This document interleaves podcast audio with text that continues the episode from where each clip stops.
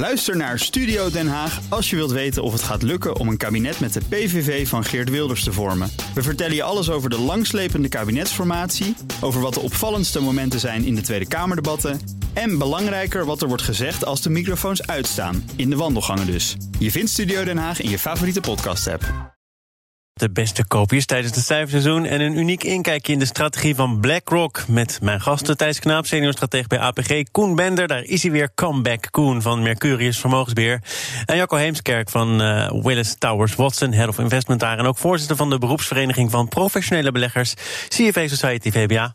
Het lukt me ook in het nieuwe jaar weer voortreffelijk. Mijn zakenpartner is Adjani Mastov, ondernemer, directeur van adviesbureau Goudvisie. Welkom allen. We beginnen met jullie laatste transactie. Thijs, ik wil toch niet... Uh, belang genomen, ik praat gewoon door je heen, want ik ga als een trein. Eh, we hebben, ach, wat flauw. We hebben een belang genomen in Alpha Trains. Oh. Ja, een bedrijf dat eigenaar is van 432 eh, treinen en 363 locomotieven. Wat doen ze daarmee? Uh, ze worden geleased aan spoorwegmaatschappijen in Europese landen, onder meer Frankrijk en Duitsland.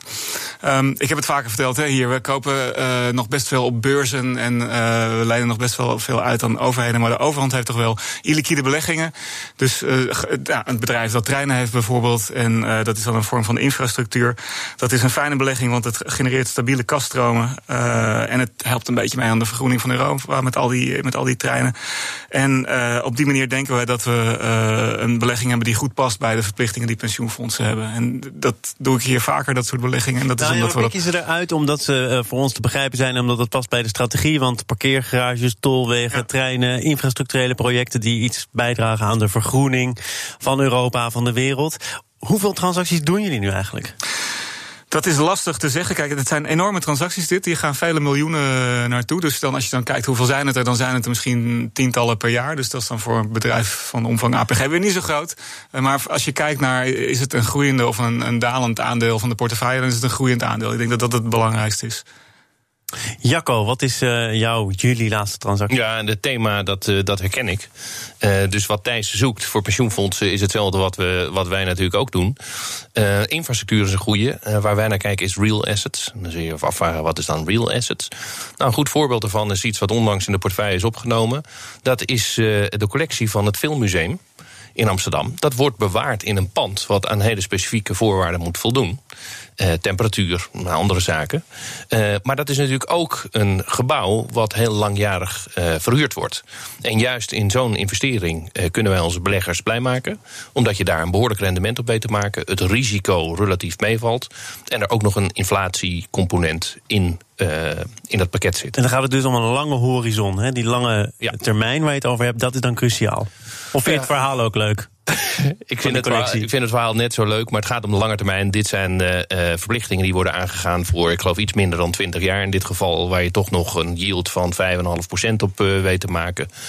Uh, met dan een inflatiecomponent die er nog bovenop komt. Dus dat is voor de meeste pensioenfondsen goed. Is dat een buitenkantje of wemelt het van dit soort mogelijkheden? Uh, het, het, het, het, wemelt niet van dit soort mogelijkheden. Je moet er echt wel naar zoeken. Uh, en het zijn denk ik de grotere beleggers die die kunnen vinden. Dus Thijs bij APG uh, die heeft de mogelijkheid om dat te doen. Willis Towers Watson doet dat voor een flink aantal van haar klanten en kan dat dus ook doen. Maar niet ieder pensioenfonds zal toegang hebben tot deze categorie uh, assets. De grote kunst is om de kosten laag te houden. Als je dingen gaat kopen, dan wordt dat veel duurder dan als je op de, op de beurs uh, wat, wat obligaties of aandelen inkoopt. En, uh, dus je moet het wel op een grote schaal doen, wil het een beetje uit kunnen. En dat, ja, dat is niet voor iedereen. Dus dan is het een select clubje dat dat voor elkaar Uiteindelijk wel, ja. Dat wordt trouwens ook wel lastig met DC-beleggen, waar we naartoe bewegen natuurlijk in dit land. En dat zou het zomaar eens uh, veel minder kunnen Want voor dit panel is dat allemaal gesneden koek, maar DC beleggen? Ja, dus de, dus de overheid is aan het kijken hoe we de pensioenen kunnen hervormen. Een grote trend die je in Nederland ziet, maar internationaal ook... is dat het risico steeds meer verlegd wordt naar de uh, uh, eindbelegger. En dat kan in de vorm van beschikbare premieregelingen. Dan ga je zelf beleggen, zelf potjes. en dat leent zich gewoon minder goed voor dit soort beleggingen. Het is te duur, het is illiquide... Je hebt er de kennis niet van. En, en daarmee zou je uiteindelijk, als je dit doordenkt, kunnen zeggen: pensioenen komen dan lager uit. Koen, we gaan eh, naar jouw laatste belegging. Jouw laatste transactie. Nou, ik, ik haak even aan op datgene wat we eerder al hoorden. Hè. Jullie real assets en als uh, hele grote partijen direct kunnen investeren. Nou, wij willen graag voor onze cliënten uh, liquiditeit. Dus we moeten er meteen in en uit kunnen stappen. Aan de andere kant zien we ook dat er juist in dat segment van private bedrijven, dus private equity en private debt en real assets, interessante beleggingen zijn. Nou, wij hebben dat in de portefeuille via een bedrijf dat Partners Group heet.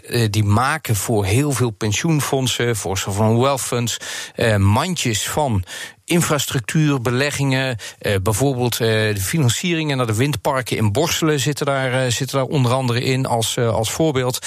Eh, daarmee ontvangen ze de management fees, dus elk jaar weer revenuen eruit. Dat is als een soort van verzekeringspremie. Als ze het heel goed doen, krijgen ze een prestatiebonus. nou, wij zitten daarmee in het bedrijf dat gewoon in Zurich genoteerd is. Dus profiteren daarvan. dat heeft vorig jaar prima rendement gegeven. Uh, en kan misschien daarmee wel interessant zijn ook voor particuliere beleggers. Uh, om op die manier aan te haken. Los van bijvoorbeeld een bedrijf als Hal of Berkshire Hathaway in de Verenigde Staten. Wat ook op die manier goed bereikbaar is. Als je in treinen wil beleggen. Of nou, toch per se in treinen wil beleggen. Ja. Hm? ja. Ja. nou ja, wel interessant hè. Daar zaten we laatst over na te denken. Stel dat een, eh, een airline zijn carbon footprint omlaag wil halen. Dan kan het heel interessant zijn om bijvoorbeeld als Air France is te kijken of je misschien de NS kan kopen van de Nederlandse. Wie is dat erover na te denken? Is dat al concreet? Moeten we, nee, nee, moeten we iemand gewoon een beetje onder een borrel een boom opzetten. Maar eh, als je nou je, je carbon footprint, kan je out of the box denken en kijken van goh, hoe kun je bepaalde uh, vervoersbedrijven uh, combineren met elkaar. Koen, uh, komt dit verder dan de borrel ooit, denk je? Want je zit nu serieus in het beleggerspanel, hè? nou ja, ik denk dat je uh, daar wel over na moet denken. Als je kijkt hoe bijvoorbeeld in Amerika daar met de Hydroloop uh, wordt, wordt gekeken... Hoe, hoe snel je met elkaar kan verplaatsen. Ja. we gaan straks in Europa steeds meer doen met hoge snelheidstreinen... en minder op korte afstand vliegen. Dus het, het uh, ja, waarom niet? Even het rondje afmaken. Zit er nog een particuliere belegger in ons midden? Ja, Jani? Nee. Nee? Ben je er wel iets over kwijt? Overweeg je het? Eh, op dit moment niet dan houden we het even hierbij. Het cijferseizoen is namelijk al begonnen, is in volle gang, wordt er gezegd. Ik uh, kondigde net aan dat we het gaan hebben over optimisme onder beleggers, maar ik werd uh, al een beetje gecorrigeerd, Jacco, door jou. Oh ja, optimistisch, zijn ze dat dan? Jij betwijfelt dat? Nou, volgens mij zijn beleggers uh, altijd optimistisch. Uh, aandelen, uh, de, de analisten verwachten altijd dat het met double digit groeit. Dus wat dat betreft, optimisme hoort bij het, uh, bij het vakgebied. Maar als je kijkt naar de consensus voor de SP 500, is die volgens mij negatief voor dit vierde kwartaal van 2019. Uh, en ik denk dat het de impact hier in dat cijferseizoen zal waarschijnlijk zal zijn dat je ziet dat er underpromised en overdelivered gaat worden. Dus dat het uiteindelijk wel meevalt. En daar kan wel optimisme uh, in. Cijfers van de afgelopen vrijdag. Toen had 9% van de SP 500 de cijfers gepresenteerd en 70% de eigen verwachtingen overtroffen. Ja. Is dat wat we dan hier in de praktijk zien? Ja, dat is natuurlijk eigenlijk wat ieder bedrijf probeert te doen. Je kunt veel beter uh, underpromise en overdeliver. Dus de lat ligt te laag. Bewust. Nou ja, dat weet ik niet. Kijk, in die eerste fase van het cijferseizoen zijn het ook traditioneel de, de, de financiële instellingen die met cijfers komen. Dat is toch een wat apartere klasse. Die, uh, uh, ja, de meeste daarvan hebben inderdaad ook beter dan verwacht. Maar dat kan uit hele verschillende uh, hoeken komen. maar ja, absoluut. Het heeft altijd, alleen als er een nieuwe CEO is, dan neem je veel meer uh, uh, reserveringen en probeer je die winst te drukken. Uh, dat, dat is ook een bepaald patroon dat je kunt ontwaren. Maar verder is het altijd prettiger om met een, een bosje bloemen thuis te komen dan met lege handen. Een raar soort spiegelpaleis waar je in zit. Hè? Want je gaat dan denken, wat, wat verwachten mensen meestal? Nou, ze verwachten, verwachten meestal iets te weinig. En dan zijn we iets beter dan gedacht. Is het dan meer of minder beter dan gedacht? En daar kan je ongeveer aan zien of het dan echt goed gaat. Maar dan hou je elkaar toch in je omgekeerde spiegelpaleis voor de gek? Ja, ja, er liggen allerlei structurele oorzaken onder. Maar dat is ongeveer wat we nu doen. En als ik dan naar die, kijk, cijfers kijk, dan denk ik inderdaad dat we ongeveer op een normaal uh, punt zitten qua uh, beats. Hè, of het beter gaat dan verwachtingen. Overigens helemaal geen goed punt qua winst. Hè. Winsten zijn getaald vorig jaar. Uh, voor alle, niet voor alle bedrijven, maar voor gemiddeld voor de bedrijven in de S&P 500 en voor de MSCI World. Zelfs de grote aandelenindices. En dat is niet zo gek, want 2019 was ook het jaar van de groeivertraging en van de hogere lonen lonen en de prijzen die niet echt stegen aan de, aan de achterkant van het, van het bedrijf. En ook het jaar waarin de aandelen 25% omhoog gingen. Dus dit is wel een spannend cijferseizoen wat mij betreft. Want de vraag is wel een beetje van ja, zijn die prijzen nu zo gestegen omdat mensen geen alternatief hebben? Of hadden ze stiekem toch nog de hoop dat de winsten toch weer zouden aantrekken? Maar dat eerste is denk ik per definitie het geval. En als je ook kijkt naar wat het IMF. Uh gisteren heeft gepresenteerd over eh, de wereldeconomische ontwikkeling. Dan zeggen ze het wordt wel minder, maar hou ook vooral vast aan dat ruime monetaire beleid. Dus dan blijft beleggen interessant, Jacco. Ja, er is een, er wordt hier vaker gezegd, hè, there is no alternative. Waar, moet je anders in beleggen? Je moet toch belegd blijven. Uh, monetair beleid wat, wat ook nog ondersteunt. Ik geloof dat de Amerikaanse Fed nog steeds 60 miljard per maand terugkoopt aan treasury bills. Uh, al die cash moet toch ergens naartoe. Dat geeft toch druk dan weer op aandelenkoersen. Koen, jij uh, hield net Trump in de gaten, die in Davos moest optreden... en die gelegenheid ook pakte om Powell weer eventjes bij de lurven te pakken. Uh, wat heeft hij daar dan gezegd? Hij heeft gezegd dat het hem een, droom lijkt om uh, geld bij te krijgen als je, als je leent. Uh, hij heeft nog even uitgehaald dat ja, zijn, zijn grote frustratie dat hij met een stijgende rente, dat Paul in zijn ogen alles, alles fout doet. dat maakt eigenlijk ook wel, als je kijkt naar dit beleggersjaar, een heel interessant aspect. Ervan uitgaande dat dat Trump herkozen wordt, uh, zal Trump nu ook proberen om zijn preferente kandidaten bij de Fed naar binnen te krijgen. Ook omdat uh, als hij opnieuw president wordt, dan is het aan hem om Powell te vervangen. Ja, of maar niet. Powell ook zelf benoemd, toch? Ja, oké, maar goed, hij zal het zelf niet uh, toegeven. Uh, maar dat is een verkeerde inschatting van hem geweest. Powell bleek integerder dan uh, Trump had kunnen voorstellen. Ik denk eerlijk gezegd, er doen al inmiddels twee namen de ronde van uh, mensen die dan geplaatst zouden worden bij de Fed. En er zit een hele conventionele uh, man van type Powell bij en een mevrouw die wat avontuurlijker is.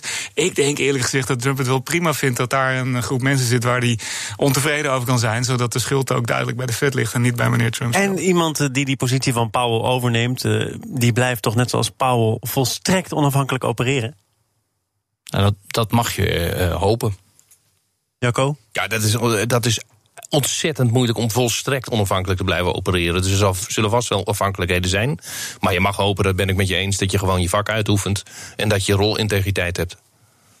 Zaken doen. Het beleggerspanel is de gast. Thijs Knaap, Koen Bender, Jacco Heemskerk. Mijn zakenpartner is Adjani Masthof. Wij gaan het hebben over de, de brief. De brief van Larry Fink van BlackRock. Die komt uh, ieder jaar in de eerste week van het nieuwe jaar. En uh, daar wordt rijkhalsend naar uitgekeken. Niet voor niets. De baas van de grootste vermogensbeheerder ter wereld geeft dan een inkijkje in de strategie van BlackRock. En dit jaar kondigde hij aan dat hij vooral duurzamer wil gaan beleggen. En dan gaat het over de grote getallen. Want BlackRock belegt zo'n 7000 miljard dollar van grote institutionele beleggers. Is dit iets om rijkhalsend naar uit te kijken? Of weten jullie inmiddels wel dat Larry in de eerste week van het nieuwe jaar op de trom gaat slaan en dat het daarna wat stiller wordt, Thijs? Larry heeft op de trom geslagen rondom het klimaat. Hè. Dat is het, het, het, het, onderwerp van zijn brief. En je zegt zelf al, ja, als je 7000 miljard dollar beheert, dan, dan doet het ertoe wat je zegt. Ook al uh, komt daar misschien een week, twee minder uh, van terug.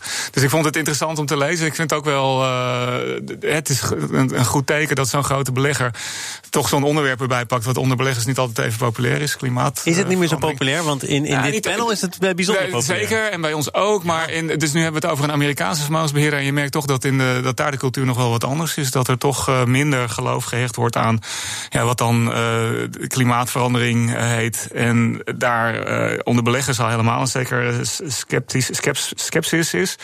Uh, dankjewel. Skepsis is. Ja, heel goed. En, uh, en ja, daar, daar zit een goede uitzondering op. En dat, dat, mag, je, dat mag je toe. Ja, wat staat er dan concreet? BlackRock ja, stapt deels uit steenkool, geloof ik. Ja, het punt is met BlackRock, en dat zei je zelf ook al, ze zijn heel groot, maar ze zijn ook uh, grotendeels passief. Dus van de 7000 miljard is 5000 miljard is gewoon een index tracker. En als er in de index steenkool zit, dan zit BlackRock daar gewoon in. En de andere 2000 miljard wordt actief beheerst. En daar gaan ze dan inderdaad minder in dat soort zaken zitten. Maar voor het grootste gedeelte ja, maar het eerste deel van je antwoord is geen detail. Hè? Inderdaad, ze zitten gewoon tot over hun nek in die index. Dat is waar. En dat, uh, wat op zich wel aardig was in de brief dit jaar stond, uh, een soort van, uh, toch een soort van dreigement. Waarin meneer Vink zei van ja, we kunnen ook een andere index verzinnen. We werken samen met index providers. En laten we nou eens een index verzinnen waar dan iedereen in zit, behalve de vervuilende bedrijven. Dat is natuurlijk wel een reëel dreigement als mensen dat zouden willen kopen, dat soort producten. Hij is een beetje late to the party. Uh, ik denk dat dat het verhaal is. En hij is ook niet helemaal consistent. Zoals het heel mooi door Mark van Baal uh, in commentaar werd aangegeven. Die is, is van de activistische ja, aandeelhouders. Dus hij, hij zorgt ervoor dat er bij Shell uh, serieus over het klimaat nu gedebatteerd en nagedacht wordt. Het, het, hij vergeleek het met in het parlement stem je tegen, maar tegen de premier zeg je van nee, we willen dit echt wel gaan veranderen. Ze hebben zich nu aangesloten bij de Climate Action Plus groep. heel veel beleggers die daar een serieus werk van willen maken. Twee jaar geleden heeft hij nog vriendelijk bedankt om daar toe te treden. Uh, je hebt het net over die kool, en dat is wel heel erg mooi. Jij legt dan nu de nadruk op, ze gaan niet meer in kool beleggen. Wat ze gezegd hebben, wij gaan niet beleggen in bedrijven die uh, uh, meer dan 25% van hun omzet uit kolen halen. Mm. En daarmee zeg je zoiets als, ja, we vinden het belangrijk, maar we veranderen eigenlijk helemaal niks. Want de grootste bedrijven in kolen, Glencore, hebben minder dan 25% van hun omzet in kolen. Dus daar kunnen ze nog steeds, namelijk maar 10%, maar dat is nog steeds wel 130 miljoen ton aan kolen. Dus ze kunnen heel makkelijk op dit moment zeggen van nou oké, okay, we, hebben, we hebben wat gezegd, we hebben wat gedaan, maar de facto hoeven ze op dit moment nog niks te veranderen in die portefeuille. Dat is heel anders. Laat op het feestje, niet consistent en bovendien zijn de mogelijkheden, de bewegingsruimte is vrij klein, omdat ze nou eenmaal een indexbelegger zijn. Waarom hebben we het eigenlijk over die brief? Ja, dus het cynisme heeft hier zeker zijn plek gekregen in het panel. Uh, toch is dit buitengewoon goed nieuws. Uh, een van de problemen die je denk ik ziet in deze markt uh, is dat uh, die indexbeleggers, zeker de grote drie, echt een behoorlijk aandeel in stemrecht hebben. FT heeft er vorige week een artikel over geschreven dat de grote drie, BlackRock, BlackRock, State Street, Vanguard, samen 20% van het stemrecht in handen hebben. En dat dat groeit in 10 jaar tijd naar 25 en op, op termijn naar 40% van het stemrecht. Als die zich niet zouden uitspreken uh, dan verandert er ook niks. Dus het feit dat zij nu een beginnetje maken, dat is op zichzelf goed nieuws. Uh, is, is, het voor de bühne? Want Mark van Baal, die heb ik ook voorbij horen komen. Die zegt, ja, god, in zo'n brief dan uh, worden er grote woorden gebruikt. Maar als het uiteindelijk over de stemming gaat, dan is het toch... nee, we blijven liever aan tafel dan dat we er met gestrekt benen in gaan. Ja, ja dit is, het, het, is deels voor de bühne en deels is het echt. Waarom is het echt? Kijk naar het nieuws van van de week. BlackRock staat erin uh, over sustainability. World Economic Forum heeft het als focus. Het ECB-beleid wordt herijkt en Lagarde wil daar ook klimaatverandering een rol in geven. McKinsey publiceert een rapport waarin ze zeggen... beleggers, let op, want uh, dit gaat je portefeuilles aanpakken. Australische fondsenmanagers stonden van de week behoorlijk onder vuur. Uh, leuke woordspeling, niet uh, bedoeld. Uh, omdat zij te weinig hebben gedaan aan klimaatverandering vorig jaar. Onderschrijft dit niet ook een deels het punt van Koen dat ze wel moesten en dat ze daar ja, zelfs relatief laat mee zijn nu? Ja, ja, ja, ja. Maar dat wil dan ook niet zeggen dat als je het eenmaal doet, dat het niet een goede beweging is. Dus ik, onder, ik onderschrijf een hele hoop van de argumenten. Ik ben, ik ben het daar ook helemaal mee eens. Maar ik denk dat we, hè, als je 5 miljard op de allergoedkoopste manier wil beleggen, dan moet, je, hè, dan moet je afvragen of daarbij kan horen dat je dat, je dat stemrecht uitoefent. Wat dat, dat in zichzelf, mm -hmm. zorgen dat je een mening hebt, dat je dat publiceert, mm -hmm. dat je daar actief gebruik van maakt, dat je langs gaat bij die bedrijven om met ze in discussie te gaan om verandering te bewerkstelligen, dat kost geld. En als wij met z'n allen zeggen van ja, we willen aan de ene kant willen op de allergoedkoopste mogelijke manier willen we beleggen. En ook je kan niet nee, allebei even, hij kanten... volgens mij in een brief van vorig jaar of het jaar daarvoor... zo lang presenteer ik dit programma al gezegd... de bedrijven waar wij in zitten, die gaan wij beter controleren... en doen ze iets wat ons niet helemaal bevalt... dan zullen we op zijn minst daarover in gesprek gaan. Ja, hij kan dus een verschil maken tussen het actieve deel en het passieve deel. En het is heel belangrijk dat hij dat passieve deel er nu bij... maar wij moeten als beleggers zelf ook... Uh, uh, afvragen hoe belangrijk vinden we het en wat is de prijs die we bereid zijn om daarvoor te betalen. Of je komt met een nieuwe index. Jacco, ik merkte dat jij wel kon leven met die gedachte. Ja, uiteindelijk gaat het natuurlijk om het bouwen van de index en die kun je dan passief volgen. Dus het argument wat vaak gebruikt wordt dat een passieve belegger niks aan sustainability kan doen, dat is onzin. Je vraag is wel waar de grens dan ligt tussen actief en passief. Als je eerst actief een index gaat verzinnen en dan passief volgen, wat ben je dan dus voor belegger? Ja, ja dat, dat, dat, klopt. Dat, dat loopt dan in elkaar over. Ja. Kijk, wat misschien veel belangrijker is, is de ontwikkeling waar we het eerder al al even over hadden, dat Microsoft daarin heel duidelijk de, het voortouw neemt. En die zeggen van jongens, wij vinden dat er een nieuwe standaard gezet moet worden. Je kan ook niet meer succesvol een economie laten groeien als je dit niet in acht neemt. En ook niet je bedrijf. Dus. Uh, maar waarom kan dat niet meer? Die grote oliebedrijven, de nieuws van gisteren meen ik, die dus relatief weinig investeren in schonere brandstof. Nou, het gaat niet per se slecht met die bedrijven, toch? Nee, maar op het moment dat we uh, met z'n allen een, een, een, aarde hebben die opwarmt. en wij hier straks tot, uh, tot aan onze enkels in het water uh, het programma staan te, te, presenteren. dat heeft economische impact. En dat, dat is op allerlei plekken is dat meetbaar. Het gaat economische krimp straks geven op het moment dat de klimaatveranderingen te groot zijn. De vraag is wel of beleggers dat allemaal goed kunnen prijzen. Hè. Het onderzoek van BlackRock zelf, die hebben gekeken naar twee Amerikaanse steden die obligaties uitgaven. Eén lag in een gebied met tornado's en de andere in een gebied waar dat nooit voorkwam. Wat betalen ze? Dezelfde rente. Dus beleggers konden daar nog niet heel goed een, een, onderscheid tussen maken. Iedereen zegt wel, je moet het doen. En dit lijkt toch een hele duidelijke case. En toch, in de prijs zie je dat nog niet zo. En Nederland is een paar jaar geleden uitgezocht dat als je een huis hebt dat op een gebied ligt dat vaak onderstroomt, dat dat huis ongeveer 3000 euro goedkoper is dan een uh, gewoon huis. Dat, dus daar kan het wel. Maar de vraag is een beetje wanneer. Weinig eigenlijk. Ja, ja, goed. Vergeleken met de houten vloer misschien wel. Er staan niet meer zoveel huiseigenaren onder water, toch? Aha, daar is hij. kijk, we hebben, we hebben het hier nu over kapitaalmarkten. En, en over de mogelijkheid om kapitaal aan te trekken in aandeelhouders of dingen. Maar laten we het ook over het humane kapitaal hebben. Wie wil er straks nog van nieuwe generaties, van de generatie van Greta Thunberg, werken voor een oliemaatschappij of voor British American Tobacco? dat moet je je ook afvragen. Dus het gaat op meerdere vlek, of, uh, vlakken gaat het impact hebben. Mag ik jullie tot slot een persoonlijke vraag stellen? Heel kort. Er is onderzoek gedaan naar de vraag of beleggers zich laten beïnvloeden door de tweets van Trump. Dat zijn er overigens vorig jaar heel veel meer geworden ten opzichte van 2018. In Zwitserland zegt 80% van de beleggers zich wel degelijk te laten beïnvloeden door die tweets van Trump. Oh, oh 80% van de handelaren. Dat is wat anders Pardon, dan een. me corrigeert. Net voor het einde van de uitzending toch nog even keihard die correctie. Koen, hoe kijk jij naar de tweets van Trump? Kijk je er überhaupt naar? Uh, ik kijk er wel naar. Uh, het zijn er steeds meer, kijk er steeds minder naar. En wanneer heb je voor het laatst gedacht: oeh, deze tweet heeft echt invloed, dus ik doe A in plaats van B? Nou, dat is misschien vorig jaar zomer geweest toen hij weer even met een gestrekt been uh, richting China kwam. En wat deed je toen? Uh, tegen uh, succes in toch iets meer liquide gegaan, terwijl dat niet nodig was geweest. Er zijn momenten dat Trump over bedrijven tweet. Hè? General Motors, Harley Davidson heeft het een keer gehad. Dat zijn natuurlijk momenten dat je weet van... nou, dit gaat niet goed zijn voor de beurskoers. Heel erg in het begin. Ja, heel erg in het begin. Volgens mij, ik sluit een fabriek als dit of exact. dat. Had hij ruzie met bepaalde bedrijven, nou, dan weet je dat dat gaat effect hebben. Van andere dingen vraag ik mij af. Als Trump tweet van de rente is te laag gaat de rente dan omhoog of omlaag? Uh, daar kan je van allebei de kanten kan je daar wat van, uh, van vinden. En het is dus voor heel veel dingen denk ik dat het gewoon lastig is uh, om, daar, om daar een, een, duidelijke strategie aan te verbinden. Dus het is volgens mij het grootste gedeelte ruis. Heeft de social media, de twitters, de voortdurende updates van bedrijven of het volgen van banken, wat op, op een andere manier toch ook eenvoudiger is geworden, transparanter moet zijn, heeft dat de handel echt beïnvloed, denk je, Jacco? Nou, de handel, de handel misschien wel. Ik denk de, portefeuille, de belegging in de portefeuille is niet. Zeker niet als je voor de hele lange termijn belegt. Dan is dit gewoon ruis.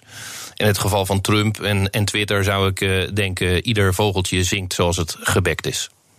Dat doet hij weer, hè? Twittervogeltje. Jacco Eemskerk zong zijn liedje mee in het uh, beleggerspanel. Dank dat je er was. Thijs Knaap moet nu weg. Seniorstratege ja, van APG. Tot snel. En Koen Bender, ik spreek jou hopelijk volgende week dinsdag weer... van Mercurius Vermogensbeheer. Jani Masthoff. Ben je dichter bij de beurs gekomen of niet? Het afgelopen half uur?